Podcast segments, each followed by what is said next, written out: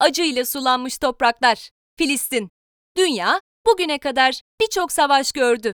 Tarih sayfalarından okuduğumuzun dışında yaşanmış ve bilmediğimiz savaşlar da vardır elbet. Yaşadığımız günlerde gördüğümüz savaşlarınsa tarih sayfalarında es geçilmesi imkansız gibi duruyor. Bu savaşlardan birini yaşayan ve acı kokan topraklardan biri de Filistin. Atlaslarda genellikle keskin çizgilerle birbirinden ayrılmış ülkeler görürüz. Ama Filistin'i bu ülkelerin dışında tutmak mümkün.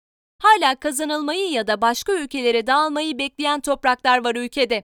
Tarihin ve dinlerin en önemli noktalarından birini içinde barındıran Filistin, 1988 yılında bağımsızlığını ilan etse de bugün bile Filistin'i tanımayan birçok ülke var. Tarihe tanıklık etmek isteyenlerin her zaman aklında olan ama gitme cesaretini çok az insanın gösterebildiği savaş toprakları olduğundan haksız da sayılmazsınız. Filistin, gelmek isteyen turistlere kapısını sonuna kadar açıyor. Gidelim de nasıl gidelim? Vizesiz olarak gidilebilmesi bakımından kolay ülkeler arasında yer alsa da Filistin'e ulaşım çok kolay değil. Ülkenin komşularından geçerek Filistin'e ulaşabilirsiniz.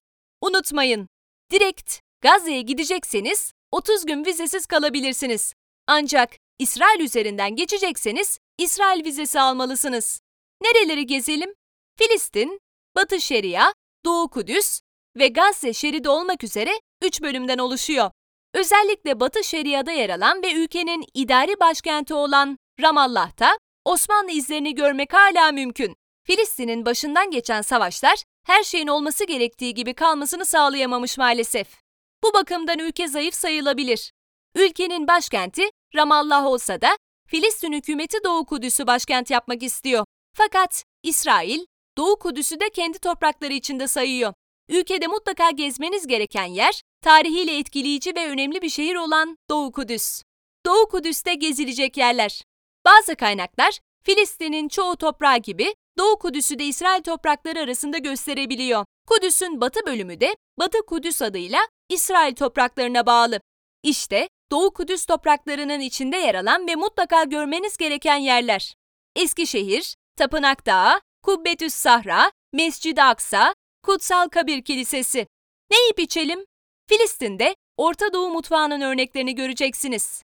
Türk damak tadına uymayan bir mutfak değil Filistin mutfağı.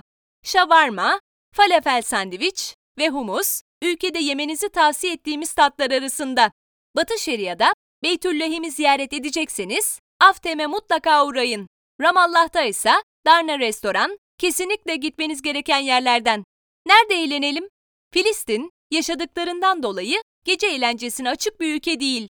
Ülkede yapacağınız tarihi yürüyüşler ve turlar bu ülkeyi anlamak için farklı bir deneyim olabilir. Nerede konaklayalım? Şehirde çok uygun fiyatlarla konaklamak mümkün. Burada düşündüğünüzden daha güzel konaklama noktaları ile karşılaşacağınızdan emin olabilirsiniz.